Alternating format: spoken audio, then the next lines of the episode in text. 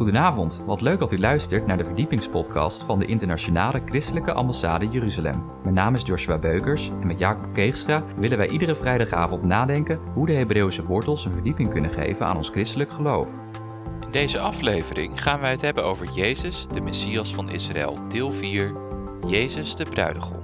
Wij wensen u veel luisterplezier. Mensen, het is goed om hier weer te zijn. En het is avond geweest. En het is morgen geweest. Welke dag is het nu? Dag 1 richting Shabbat. Mensen, in Israël telt men de dagen opdat wij een wijsheid bekomen. Men telt de dagen met een visie. Dag 1 richting Shabbat. Dag 2 richting Shabbat. En hebt u gisteravond bij het uitgaan van de zaal ook even in de lucht gekeken? Opgevallen dat het bijna volle maan is. Tadaam! Jongens, in de tijd van Abraham en David en Yeshua, noem alles maar op, hadden ze geen kwartshorloge, hè? Hadden ze niet. Dus hoe wist je nou dat het time to party was? Heel simpel, God heeft het zelf gegeven. Zon en maan tot tekenen van dag en nacht en voor de seizoenen. Volle maan in de zevende maand Loof het feest. Volle maan in de eerste maand. Pesach. Feest van de eersteling. En weet u, ik, ik vind het zo geweldig. En dat je een bestuur om je heen hebt die het allemaal voor je regelt. Hè? Willem met de hele zaal en Ankemat, onze creatieve lijn, met die banieren. En, en, Jan zei het al, iedere dag is het weer nieuw. Nou, ik mag hier staan tussen de Feast of Trumpets. Over iets meer dan twee weken is het het feest der bezuinen, Rosh Hashanah. De wake-up call voor ons. En we gaan naar Halleluja. Mensen, het is een vreugde om hier met u voor te gaan, want ik mag twee van mijn meest geliefde teksten met u delen vandaag. En ik verklap alvast één. Eén gaat daarover. Dus mijn naam is Jacob. Hè? En ik heb van die eerste Jacob in de Bijbel één ding geleerd. We gaan hier niet weg. Tenzij wij gezegend zijn. En God heeft al veel dingen gedaan dit weekend. Gisteren hoor je van geweldige dingen die God al gedaan heeft voor het ieder van ons. Maar als u denkt, ik heb nog een extra zegen, een extra bemoediging nodig, want de komende tijd thuis of wat dan ook is het moeilijk. We gaan hier niet weg, hè? We gaan er niet weg voordat we gezegend zijn. Amen of amen? Kijk. En weet u, we zijn hier nou met het hele weekend, ook vandaag, een nieuwe daggasten, zo'n 300 mensen fysiek. Maar weet u dat we gisteren al meer dan 700 mensen op de livestream hadden? Nou, dat wordt vandaag alleen maar vermenigvuldigd. Ons gebed is ook dat vanuit het oosten van Nederland, en we zitten bijna hier tegen de Duitse grens aan, dat dan met de zon mee naar de rest, naar het westen van Nederland, dit woord uit mag gaan. En wat we hier met beperkt aantal mensen toch fysiek mogen doen, maar dat een spillover mag hebben via de livestream, dat God het dubbel en meer dan dubbel vermenigvuldigt. Daar bidden we ervoor. Nou, dit weekend zijn al een aantal keren een tweeluik voorbij gekomen. Gisteravond met uh, Oscar, maar ook vrijdagavond ja, je moet echt even weer in je herinnering, wat was dat ook allemaal alweer? Jezus de profeet. Waar ik het eerst mag hebben over dat over Jezus geprofeteerd is. Maar niet alleen over Jezus is geprofeteerd, Ook Jezus zelf is de profeet. En met name over dat van Jeruzalem hebben we bij stilgestaan. Daarom bidden wij ook voor die vrede van Jeruzalem, zodat die vredevorst welkom wordt geheten.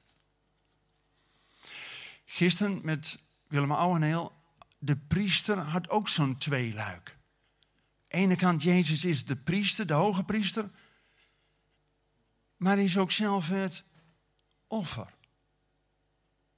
Nou, gisteravond met Oscar zo'n tweeluik over dat Jezus zowel de Heer is in de gemeente, maar ook de koning van Israël. En niet om het beter te weten, maar ik wil vandaag met u een drieluik behandelen. Alle goede preken bestaan uit drieën, dus drie delen. Eerste is, God is getrouwd met Israël. En dan gaan we de tweede hebben over het volk Israël. En dan als derde pas het onderwerp Jezus de bruidegom. Maar ik heb even wat aanloop nodig om daar natuurlijk te komen. Ja, jongens, het weekend is lang niet afgelopen, want Jezus de Messias, daar is zoveel over te zeggen, te veel kleurigheid. Dus vanmiddag komt er nog een toegift. Mensen die vanochtend niet gezegend zijn, kom voor de toegift. Toetje. Dat is meestal het lekkerste van de maaltijd. Toetje. Nou, hoe weet ik nou dat God getrouwd is met Israël? Nou, dat staat in Gods woord. Er staat in Gods woord, laten we gewoon lezen. Dus niet alleen over het woord spreken, maar vanuit het woord spreken. Ik wil met u Jeremia 2 Jeremia 2, waar staat het woord van de Heer kwam tot mij, gaat ten aanhoren van Jeruzalem prediken.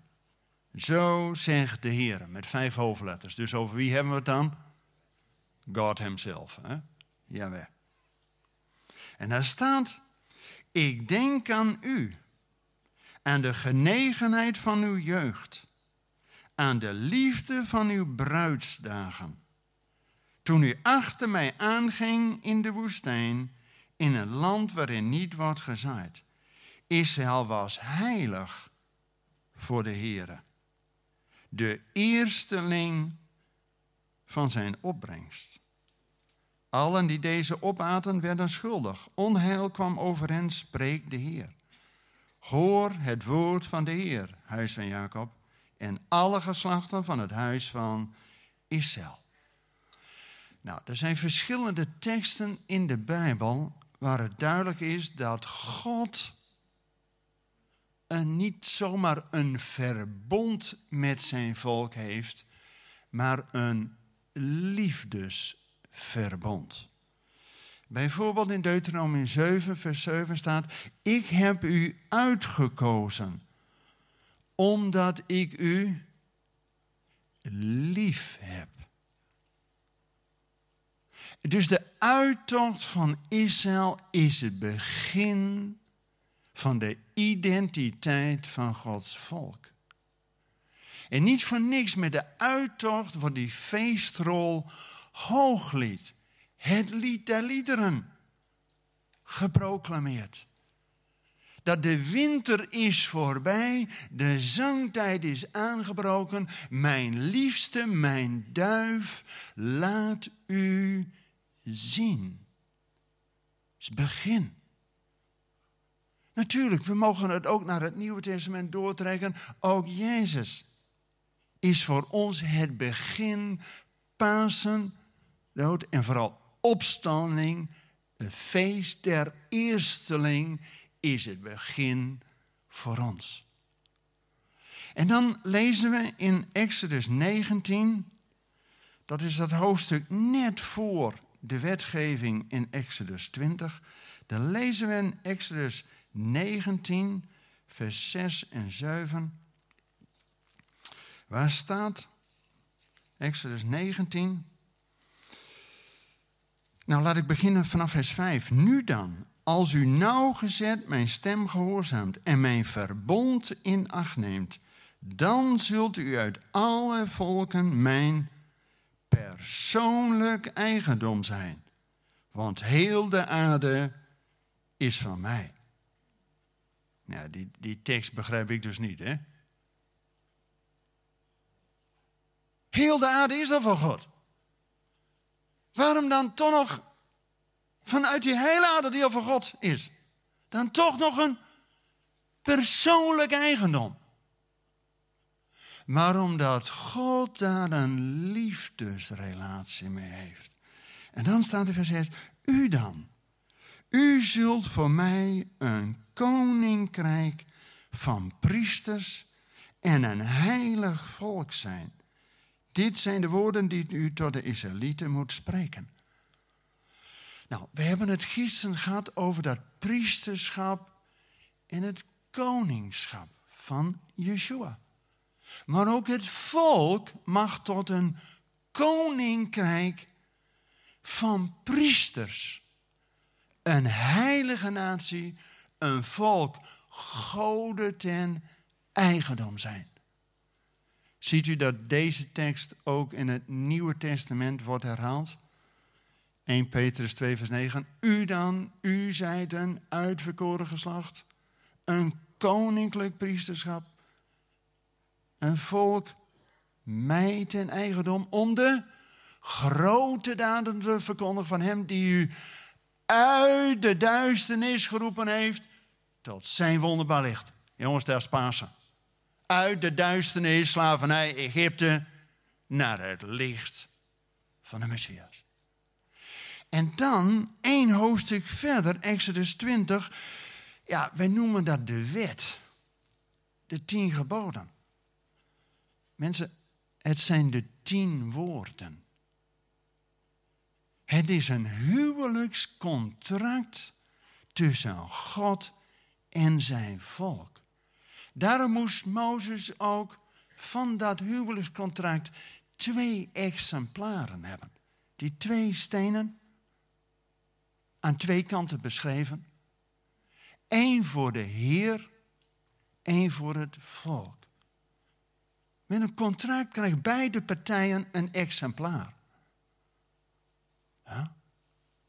Dus het huwelijk is gesloten op die berg Sinaï.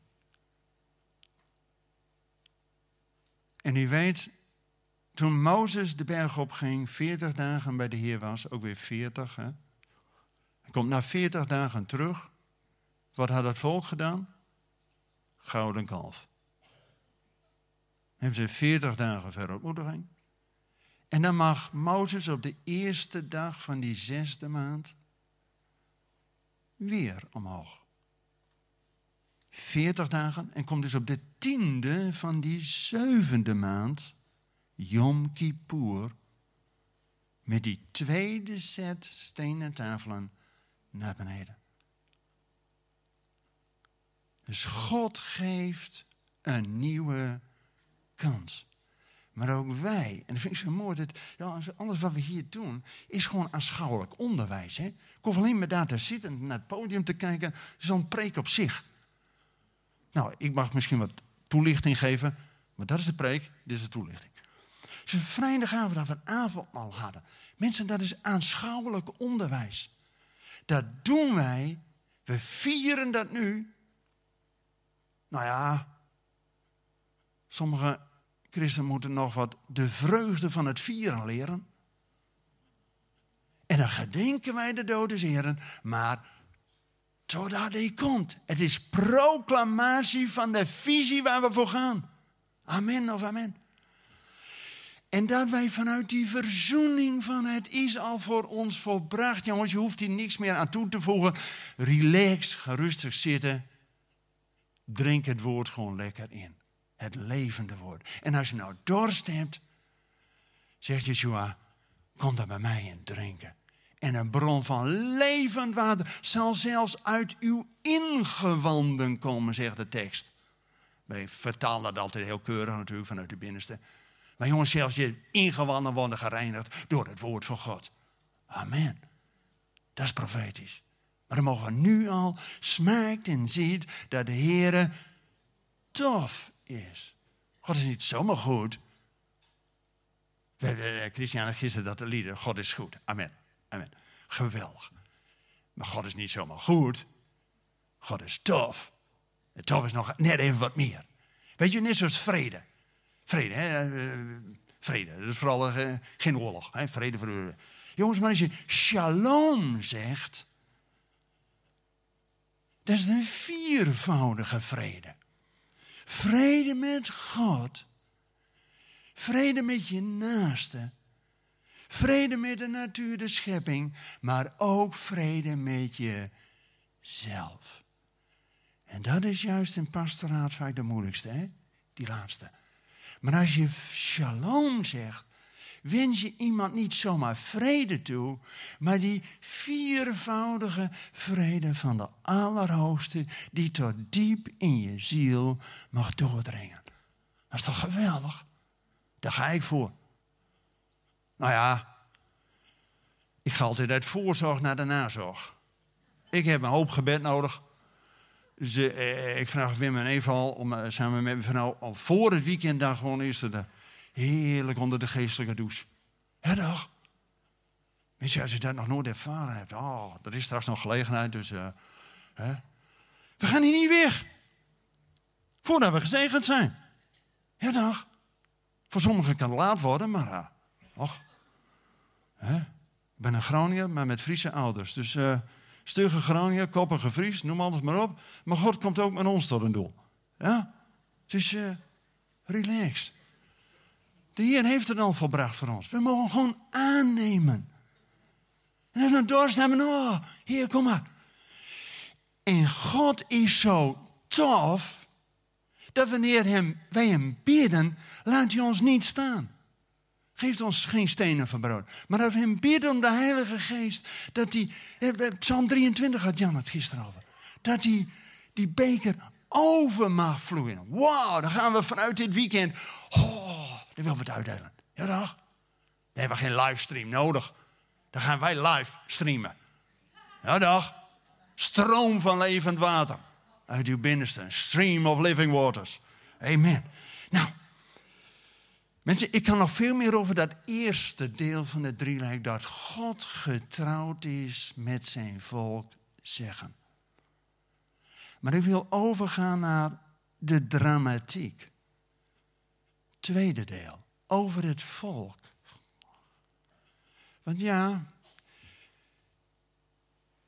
in de Bijbel staat, 1 Corinthië 10 vers 6, dat alles over Israël is opgeschreven ons tot voorbeeld. Dus alles over Israël, wat, wat opgeschreven is niet om te wijzen naar die mensen die, die doen allemaal maar fout. Nee, dat is opgeschreven ons tot voorbeeld, tot lering. Zodat wij niet diezelfde fouten maken. Maar God is de wereld aan het shaken en de gemeente aan het awaken. Maar worden we wakker? En binnenkort is de wake-up call, de feest van trompetten, de feest der bezuinen. Mensen, verstaat de tijd waarin wij nu zijn. Wees waakzaam, maar ook de shofar. Als de shofar klinkt, dan worden wij opgeroepen. In ieder geval tot gebed. Daarom heeft de Christelijke Ambassade wereldwijd dat iedere woensdag van drie tot vier, dat we wereldwijd bidden. En dat doen al 40.000 mensen aan mij. En ieder begin van de Joodse maand, dat we, eh, afgelopen maand, eh, weekend was dat al twee keer 24 uur, van de Christelijke Ambassade vanuit Jeruzalem. Maar we zitten in 140 landen. En als ze allemaal een uur willen meebidden, dan heb je meer nodig dan 48 uur. Dus het is allemaal om ons voor te bereiden om in de Loofhuttenfeest zeven dagen en nachten te bidden. Want het paasfeest was zeven dagen. Maar het Loofhuttenfeest is zeven dagen en nachten. Aan dat feest komt geen einde. Maar voor ons is het vaak nog zo profetisch omdat we het gewoon nooit geleerd hebben. Nou, ik zou anders zeggen, kom met me mee naar Jeruzalem, maar kom nu in ieder geval live mee. Want een van de mooie dingen nu is, je kunt het gewoon vanuit je huiskamer gewoon aanklikken. En wat je voor die dag aan kunt, neem je op en de rest laat je liggen. En je hebt tot 1 januari kun je die seminars. Er komen ook een paar Nederlandse seminars, dus uh, komt allemaal goed. Over de profetische betekenis van het Loofhuttenfeest. Dus ik zal me nu even moeten inhouden. Ja, jongens, dat is toch een van de mooiste dingen. Wij hebben als Christuskamperszaden een boodschap. Omdat God een boodschap heeft dat wij vanuit Pasen en vanuit Pinksteren. Pasen is het werk van de Zoon. Pinksteren is het werk van de Geest. Maar de Bijbel zegt dat we door Jezus beide, Jood en niet-Jood, in één geest tot het hart van de Vader mogen komen. In het feest van de Vader is het Loofhuttenfeest. Waarin de inzameling van alle volken, de maaltijd des Heren en de bruiloft van het Lam. Maar nu ben ik al bijna bezig met deel 3. Even terug. Het volk Israël is ter voorbeeld. Dus toen Israël die huwelijkscontract met God kreeg. En God leidde zijn volk in de wildernis om tot het hart van zijn volk te spreken. En dan met Pinksteren wordt die feestrol Rut gelezen. Dat zelfs die Moabitische heidense Rut, die wordt aangehaakt bij het volk van God. Die mag zelfs Naomi helpen om weer naar Bethlehem te gaan. Bethlehem, huis van brood. En ze trouwt met Boas. Een van de twee steunpilaren in de tempel. Overgrootvader van koning David. En die Rut mag erbij, omdat ze die beleidenis heeft uw volk is mijn volk. En uw God is mijn God. In die volgorde. En wordt ze welkom geheten. En ieder Shavuotfeest, Pinksterfeest, wordt de feestrol Rut gelezen. Waarin zij trouwt met haar Goel, verlosser, losser zal vanmiddag nog iets meer over vertellen. Want dat is al een preek op zich. Nou, zal maar beperken. Valt niet mee. Maar, nee jongens, vanuit de overvloed van Gods woord. We lezen altijd te snel. Je moet altijd weer even terug. Er zit nog zoveel rijkdom in voordat we een stap verder kunnen. Maar ja, het is net als met dansen. Eén pas naar voren en soms even twee terug.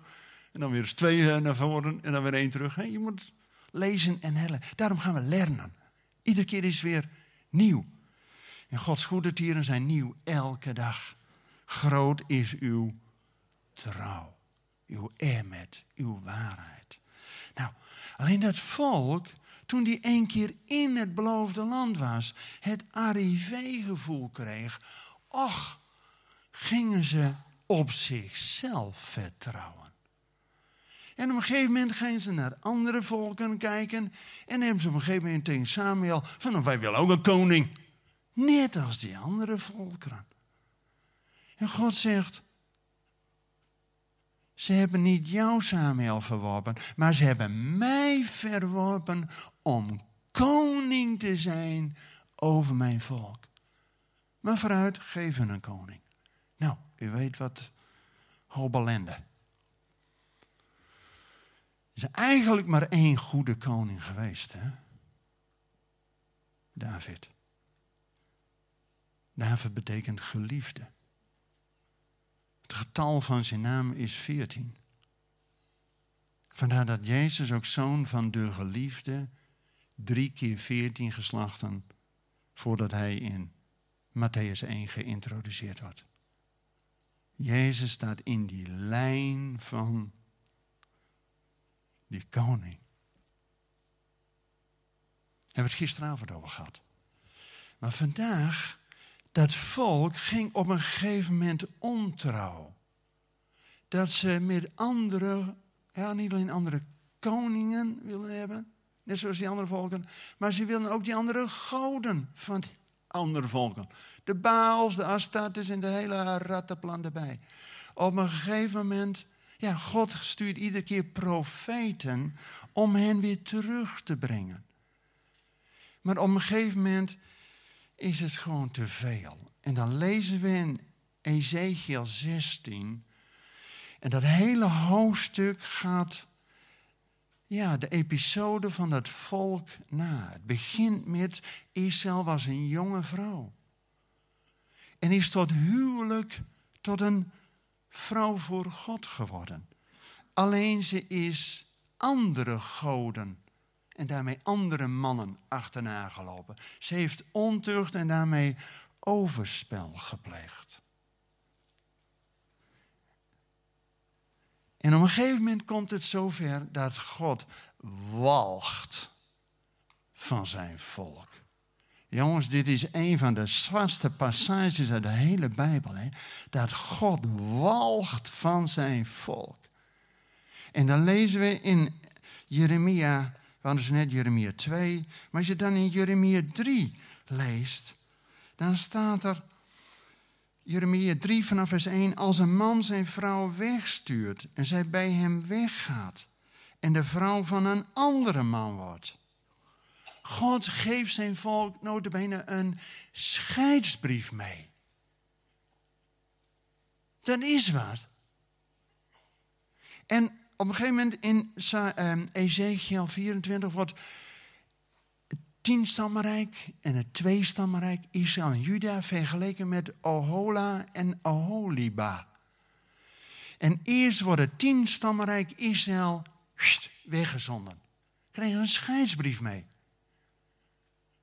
En dan ook Sion, Jeruzalem, die verbruikt het nog erger. En ook die wonnen. Scheidsbrief mee. Eerst wordt het tienstammenrijk weggevoerd naar Assyrië. En dan het tweestammenrijk naar Babel. En dan, ja, dan lezen we in Jeremia 3. Mag dan die vrouw terugkeren tot haar man? Wordt het land dan niet ten zeerste onheiligd? U hebt hoererij bedreven met veel vrienden en dan naar mij terugkeren, spreekt de Heer. Nou, en dan vers 14. Keer terug, afkerige kinderen, spreekt de Heer, want ik heb u getrouwd.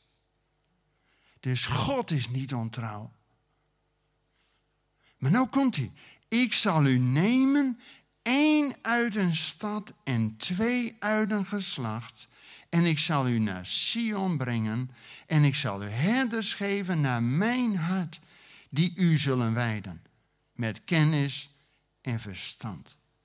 Mensen, er is dus maar een deel, een rest, wat weer vernieuwd wordt. En nou komt de grote uitdaging, wat we ook lezen in Deuteronomium 24, kan als een huwelijk, ja eigenlijk ontbonden is door ontrouw, en de man zijn vrouw een echtscheidingsbrief meegeeft, kan zij dan weer de vrouw worden van die man? Deuteronomium zegt dat kan niet. Zo. En nou komt de creativiteit van God. En dat lezen we ook in het Nieuwe Testament, 1 Korinthe 7, vers 37. Een vrouw is aan haar man gebonden zolang hij leeft. Maar wanneer de man gestorven is, is zij vrij. En nou komt de oplossing die alleen maar God kan bedenken. Dat God zijn zoon zendt, die sterft. En in zijn bloed een nieuw verbond maakt. Door het sterven is het huwelijk, ja, is er niet meer, want de man is gestorven. Maar tegelijk in het bloed van het nieuwe verbond ligt de hoop voor Israël. Vandaar dat Jezus met avondmaal, de sedermaaltijd, dat met twaalf mensen viert, vertegenwoordigers van Israël. En dat is de basis voor het nieuwe verbond wat we lezen in datzelfde Jeremia. Jeremia 31, vers 31. Makkelijk te onthouden, 31, vers 31. Dat God een nieuw verbond sluit met zijn volk. En door het werk van Jezus is niet alleen de mogelijkheid van een nieuw verbond, maar God geeft ook die ja, dat doet je. De Heilige Geest om het mogelijk te maken. Zodat Israël niet weer aan het oude verbond. Kijk, de wet van Mozes is heilig en rein. Maar als Gods volk dat uit eigen kracht niet kan houden, dan moet je daarmee stoppen. Daartoe geeft God zijn Heilige Geest, zodat zijn wetten, zijn onderwijzing in ons hart komt. En dan kun je vanuit je hart doen wat God zegt. Want als Yeshua dat nieuwe verbond sluit, en niet direct met de gemeente hoor, dat is vers 2. Hij sluit dat met Israël. Zodat zij ook in die nieuwe wet van de Messias gaan leven. Ja, want ieder huwelijk heeft een voorwaarde. En de wet van de Messias lezen we in Galaten 6, vers 2. Dit is de wet van Christus. Draagt elkanders lasten. Zo, dat is niet alleen je naaste liefhebben, maar ook de geboden doen. Als je elkanders lasten draagt, laat je zien dat je de ander respecteert en lief hebt. Dus mannen, uitdaging. Als je laat, wilt laten zien dat je vrouw lief hebt, draagt haar lasten. Nou, als je een winkelstraat ingaat, meestal is het zo dat de man draagt wat de vrouw, wat haar hobby is. Ja? Mensen, in het natuurlijke lopen we stage voor het geestelijke. Hè? Dus dat huwelijk, dat nieuwe verbond wat Yeshua als bruidegom met Israël gesloten heeft, En wat zegt dat voor ons? Dat lezen we in, uiteraard, Nieuwe Testament, Efeze 5. Dit spreek u, want dit geheimenis is groot. Maar ik spreek aangaande van Christus, maar dat is een vertaling van de Messias, en zijn gemeente. Die hij één heeft gemaakt, die bestaat uit het behouden deel van Israël en wij die tot geloof gekomen zijn, wij die eerst vreemdelingen en bijwoners waren, maar door de Messias mede burgers, mede huisgenoten en zelfs mede erfgenamen zijn geworden.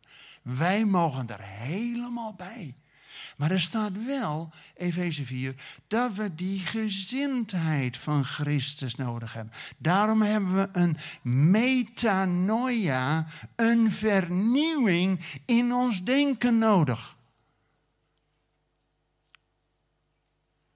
En weet u, Yeshua wacht totdat zijn bruid zich gereed gemaakt heeft voor zijn bruiloft.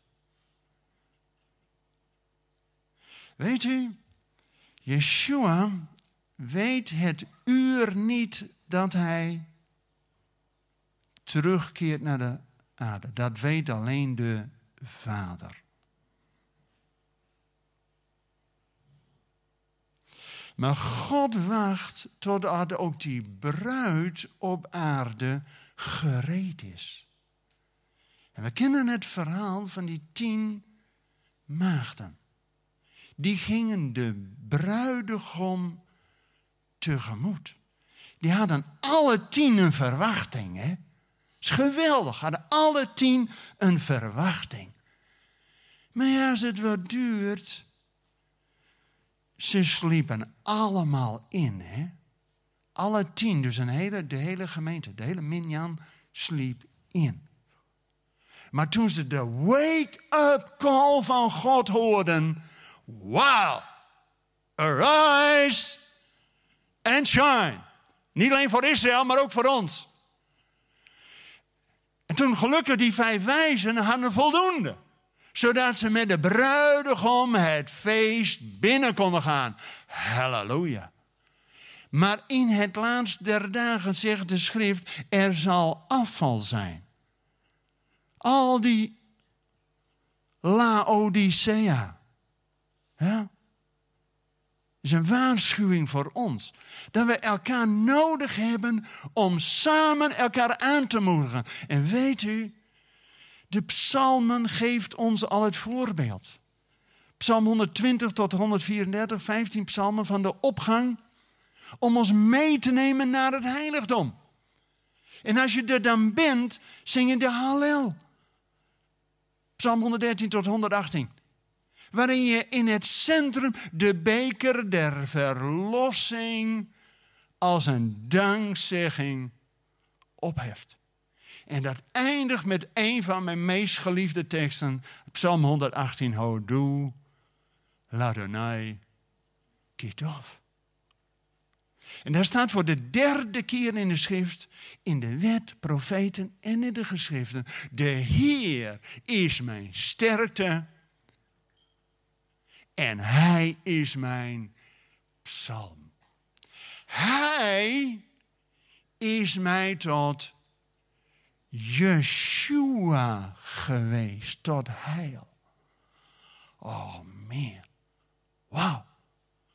En dan staat er in Psalm 118, dit is de dag die de Heer heeft gemaakt. Laten we blij zijn en verheugd zijn en dan komt het wachtwoord voor de komst van de Messias. Wanneer wij met Jeruzalem zeggen, Baruch Haba. Beshem Adonai, gezegend hij, die komt in de naam des Heren. En het lied eindigt met Hodul Adonai.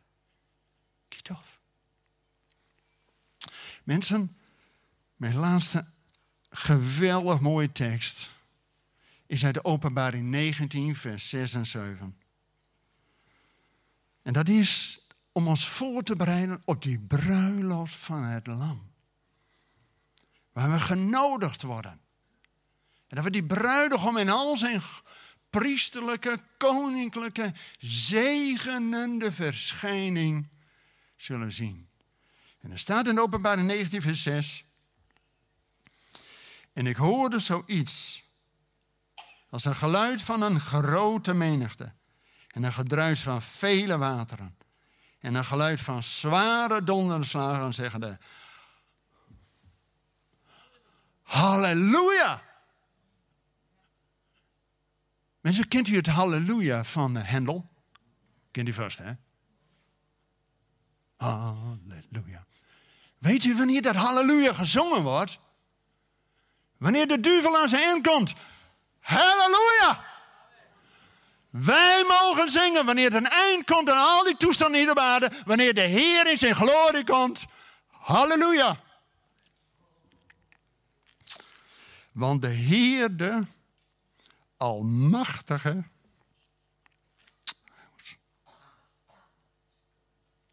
is koning geworden. Laten we blij zijn, ons verheugen en Hem de heerlijkheid geven. Want de bruiloft van het lam is gekomen. En zijn vrouw heeft zich gereed gemaakt. Vorige week mochten we meemaken dat onze dochter is getrouwd. Ja, dat is geweldig.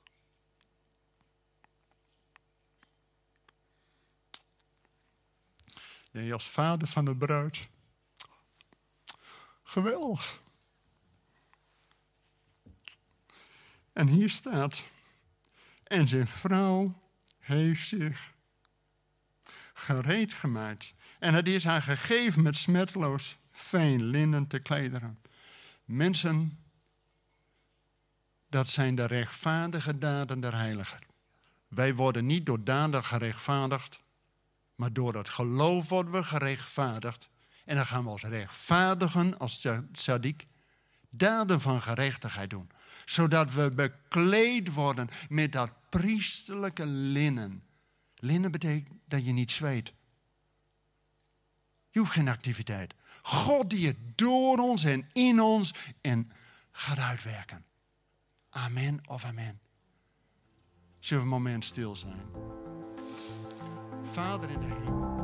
Bedankt voor het luisteren naar deze verdiepingspodcast van de ICEJ. Waardeert u onze podcast? Steun ons dan met een donatie, abonneer u of deel deze podcast met uw vrienden of familie. Ga naar www.icej.nl. Volgende week besluiten wij deze serie over Jezus, de Messias van Israël. We zullen deze studie dan nog even samenvatten, zodat u een mooi overzicht krijgt van deze bijzondere studie. We hopen volgende week dat u wederom naar ons luistert. Hartelijk bedankt voor het luisteren en tot volgende week.